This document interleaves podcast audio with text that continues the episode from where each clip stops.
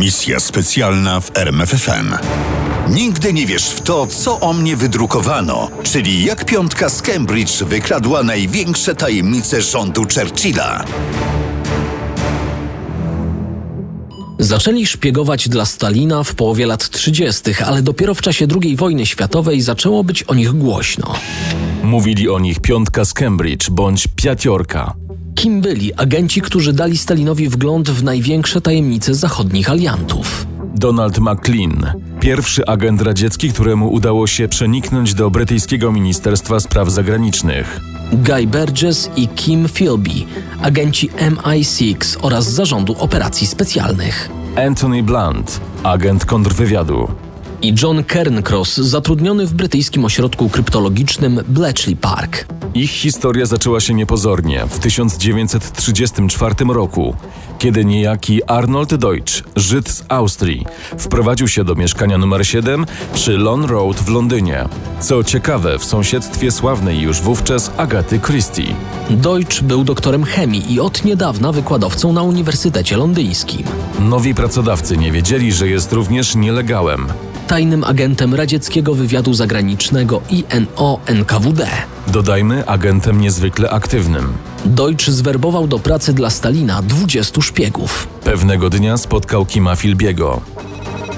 Potrzebujemy ludzi, którzy mogą przeniknąć do instytucji burżuazji. Mówił pewnego dnia Deutsch do Filbiego. Spenetruj je dla nas. Philby się zgodził. I tak rozpoczął się pierwszy etap operacji poszukiwanie wśród studentów prestiżowej uczelni Cambridge kandydatów do pracy dla NKWD. Deutscha interesowali przede wszystkim studenci rokujący nadzieję zdobycia pracy w strategicznych resortach brytyjskiego imperium. Jak okazało się kilka lat później, to się udało. Na razie jednak, to znaczy do roku 1939, Philby był korespondentem Timesa podczas wojny domowej w Hiszpanii. Burgess pracował dla BBC. Blunt pozostał na uczelni w Cambridge i jego głównym zadaniem było wyszukiwanie kandydatów do werbunku. To on wypatrzył Cairncrossa. W werbunku pomagała propaganda komunistyczna, bardzo popularna wśród studentów brytyjskich szkół wyższych. W połowie lat 30. wydawało mi się i wielu moim rówieśnikom, że Partia Komunistyczna i Rosja są jedynymi wiarygodnymi bastionami oporu przeciwko faszyzmowi. Demokracje zachodnie przybrały bowiem wobec Niemiec zbyt niepewny i pojednawczy kurs. Dlatego też Guy Burgess łatwo mnie przekonał, że najlepszym sposobem służenia sprawie antyfaszyzmu jest przyłączenie się do niego i współpraca z Rosjanami. Tak tłumaczył swoje motywy Anthony Blunt. Z czasem okazało się, że Blunt był ważnym źródłem dla Moskwy w kwestii rządów emigracyjnych. W czasie II wojny światowej to on miał najlepszy z całej piątki dostęp do dokumentów dotyczących państw Europy Środkowej, w tym oczywiście Polski. Czy prawdą jest, że to Blunt i Philby odpowiadają za śmierć generała Sikorskiego w katastrofie gibraltarskiej? Dowodów nie ma. Brytyjskie i rosyjskie archiwa na ten temat wciąż milczą. Kiedy tuż przed wojną światową McLean i Cairncross trafili do brytyjskiego MSZ, biurko Stalina wypełniło się meldunkami dotyczącymi sytuacji w Hiszpanii. Tym dwóm szpiegom udało się przekazać do Moskwy szczegóły rozmowy lorda Halifaxa z Hitlerem. Halifax, w niedalekiej przyszłości minister spraw zagranicznych Wielkiej Brytanii, dawał jednoznacznie Hitlerowi do zrozumienia, że Londyn nie będzie oponować, kiedy Hitler zażąda włączenia do Rzeszy Gdańska, Austrii i Czechosłowacji. Traktat wersalski, fundament europejskiego porządku po I wojnie światowej, mógł być zniesiony za cichą aprobatą światowego mocarstwa. Co z tego zrozumiał Stalin? Według niego Wielka Brytania dawała Niemcom zielone światło w kwestii agresji na wschód. Knuła spisek, którego celem było napuszczenie Niemiec na ZSRR. Stalin postanowił temu zapobiec. Były dwie drogi. Albo za pomocą swoich agentów w Londynie wpłynąć na zmianę polityki brytyjskiej, albo za pośrednictwem agentów w Niemczech wysądować szansę na porozumienie z Hitlerem. Stalin miał znakomitych szpiegów nie tylko w Londynie czy w Berlinie. W zasadzie obstawił agentami wszystkie najważniejsze stolice Europy i świata, w tym Warszawę. Polski nie uważał wprawdzie za groźnego przeciwnika, ale właśnie w Warszawie przecinały się nici światowego szpiegowstwa. A ponadto przez Polskę prowadziła droga do Europy.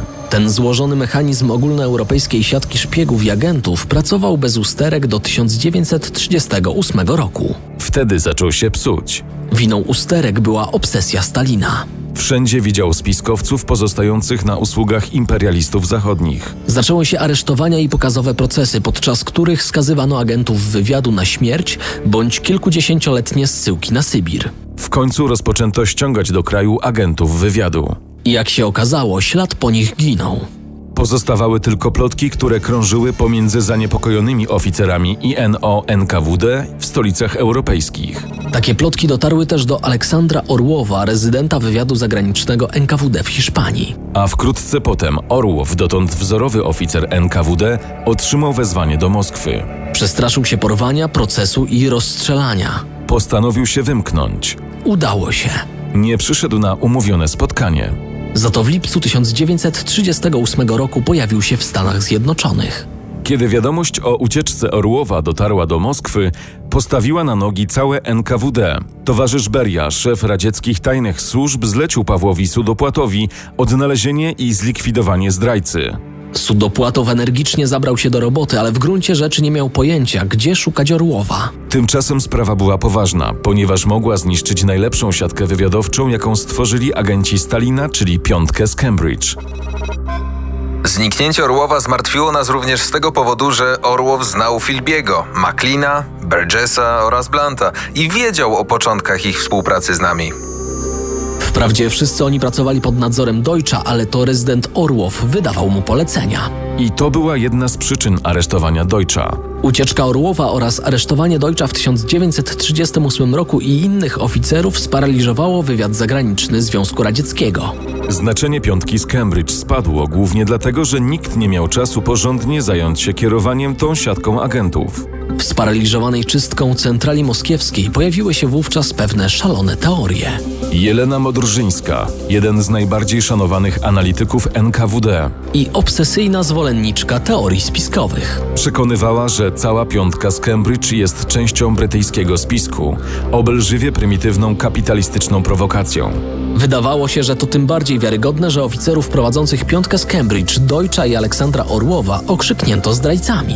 Porządek do Wydziału Zagranicznego NKWD wrócił mniej więcej z początkiem II wojny światowej. Do Moskwy powędrowały raporty o polityce brytyjskiego MSZ, o akcjach wywiadu SIS i organizacji dywersyjnej SOE.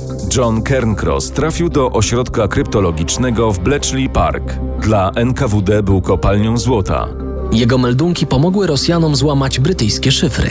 Od tego czasu Stalin znał każdy ważniejszy ruch polityki Londynu, zanim Churchill zdążył go wykonać. W 1943 roku przekazał szczegóły letniej ofensywy niemieckiej. Ofensywy, która doprowadziła do największego starcia pancernego II wojny światowej, czyli bitwy pod Kurskiem.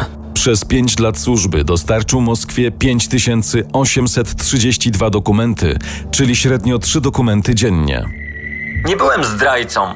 Pomagałem sojusznikowi, który został niesprawiedliwie pozbawiony strategicznych informacji przez decyzję rządu brytyjskiego. No właśnie, pomagał sojusznikowi i to zrodziło pewne niejasności prawne, co zauważył pewien oficer brytyjskiego kontrwywiadu. Niestety, prawo jest trochę niedoskonałe w sytuacji, gdy ktoś szpieguje na rzecz sojusznika. W podobnym tonie mógł się tłumaczyć McLean, który we wrześniu 1941 roku meldował do Moskwy. Brytyjczycy poradzą sobie z bombą uranową w ciągu dwóch lat. Równo rok później, w 1942, ostrzegał. Londyn interesuje się rozwojem bomby o niewiarygodnej sile niszczącej, opartej na energii atomowej. Te paniczne ostrzeżenia tonował Paweł Sudopłatow, oficer INO-NKWD, który trzymał agenta w brytyjskiej instytucji zajmującej się badaniami nad rozszczepianiem jądra atomu. Informatora mieliśmy również w Imperial Chemical Industries, ale ten meldował, że kierownictwo zakładu jedynie teoretycznie rozważało możliwość zbudowania bomby atomowej. Po zakończeniu II wojny piątka z Cambridge nadal była aktywna. Szpiedzy zdobyli szczegóły dotyczące planu Marszala, strategicznej pomocy gospodarczej dla zniszczonych wojną krajów europejskich. Podobno uzyskali informacje o rozmieszczeniu broni atomowej na terenie RFN. A Kim Philby przekazał do Moskwy informacje o wylądowaniu w Albanii przeciwników komunistycznego rządu. Za sprawą tego meldunku kontrrewolucja, którą zaplanował wywiad SIS, nie powiodła się. Zresztą w drugiej połowie lat 40. Kim Philby awansował. Został szefem działu kontrwywiadowczego do walki z agentami Stalina. Ta nominacja świadczy najlepiej o tym, że brytyjski kontrwywiad nie zdawał sobie sprawy z podwójnej gry Philbiego. Nie wiedział też zupełnie nic o piątce z Cambridge. Do czasu. Czarne chmury nad piątką z Cambridge zaczęły się zbierać, kiedy Amerykanie i Brytyjczycy rozpoczęli operację Venona. Venona, a w zasadzie projekt Venona to kryptonim prowadzonej na szeroką skalę akcji dekryptażu radzieckich depesz, przechwyconych przez stacje nasłuchowe USA i Wielkiej Brytanii. Materiał do zbadania był ogromny, stąd dopiero na wiosnę 1951 roku, po sześciu latach pracy natrafiono na ślad agenta radzieckiego o kryptonimie Homer. Homer pracował w brytyjskiej ambasadzie w Waszyngtonie. Kto krył się pod tym pseudonimem? Wytypowano dziewięciu podejrzanych, ale nie znaleziono żadnego dowodu przesądzającego, który z nich to Homer. Tajemnicę Homera odkrył pierwszy sekretarz ambasady brytyjskiej w Waszyngtonie. A tak naprawdę główny reprezentant brytyjskiej SIS w Stanach Zjednoczonych. Z racji zajmowanego stanowiska mógł czytać każdą tajną korespondencję obu zaprzyjaźnionych agencji wywiadowczych. Nazywał się Kim Philby, szpieg Stalina i dobry znajomy Homera, czyli Donalda McLeana. Ale zanim Philby ostrzegł McLeana, tożsamość Homera przestała być tajemnicą również dla FBI. A wszystko dzięki rozszyfrowaniu kolejnych depesz. Traf chciał, że w czasie rozszyfrowania tożsamości Homera McLean przebywał w Londynie, o czym oczywiście wiedzieli i zamierzający go ostrzec Philby i poszukujący go agenci FBI. Rozpoczął się więc wyścig po McLeana. Pomógł kolega z piątki, przybywający od kilku miesięcy w Stanach Zjednoczonych, Guy Burgess. Natychmiast wyjechał do Wielkiej Brytanii. Zdążył. Razem Burgess i McLean wyjechali do Szwajcarii, a stamtąd do Moskwy. Tam byli bezpieczni. Agenci MI5 i policjanci ze specjalnego wydziału Scotland Yardu mogli tylko przeszukać mieszkanie McLeana, co oczywiście zrobili. Przeszukanie okazało się owocne. Przede wszystkim szybko powiązano McLeana z Burgessem. W mieszkaniu znaleziono pudło, w którym między innymi było pismo z Ministerstwa Spraw Zagranicznych. Obok zgrabnych liter maszynopisu widniała odręczna notatka. Specjalistom z MI5 niewiele czasu zajęło zidentyfikowanie autora tej notatki. To było pismo Johna Kerncrossa. Za podejrzanym puszczono obserwację, przesłuchano go, a następnie wyrzucono go z pracy w Ministerstwie Spraw Zagranicznych. Kerncross wyjechał do USA, gdzie pracował na Uniwersytecie w Chicago. I kiedy sądził, że szpiegowski wątek jego życia już się skończył, przypomniała sobie o nim MI5. A wszystko przez Kima Philbiego. Po aferze McLeana i Burgessa, Kima Philbiego odwołano z Waszyngtonu. Traktowano go z rezerwą, brakowało jednak dowodów na współpracę z NKWD. Jednak, żeby nie mącił w stolicy, wysłano go do Syrii. Tam pracował jeszcze dla MI6 i KGB, ale zdaniem historyków nic ciekawego o tym okresie nie można powiedzieć. Dopiero w 1962 roku MI5 zdobyła dowody współpracy Philbiego z KGB. Podczas przesłuchania Philby przyznał się. Ale uniknął aresztowania. Uciekł do Moskwy tak jak przed 11 laty zrobili jego przyjaciele McLean i Burgess. Ucieczka Philbiego do Moskwy przypomniała agentom MI5 o piątym człowieku.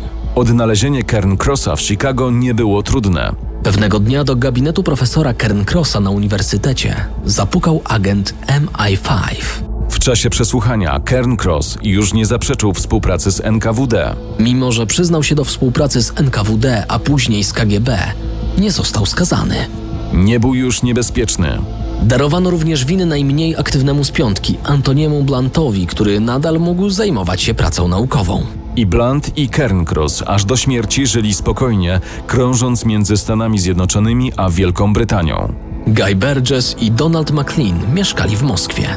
Burgess zmarł pierwszy już w sierpniu 1963 roku, zaledwie kilka miesięcy po pojawieniu się w ZSRR Filbiego. 10 lat później, na początku lat 70., młody, zafascynowany historią superszpiega z Cambridge, agent KGB, Oleg Gordiewski, przesłał Filbiemu do Moskwy jego biografię pod tytułem Filbi. Długa droga do Moskwy. Filbi przeczytał ją dokładnie i odesłał Gordiewskiemu z krótką notatką.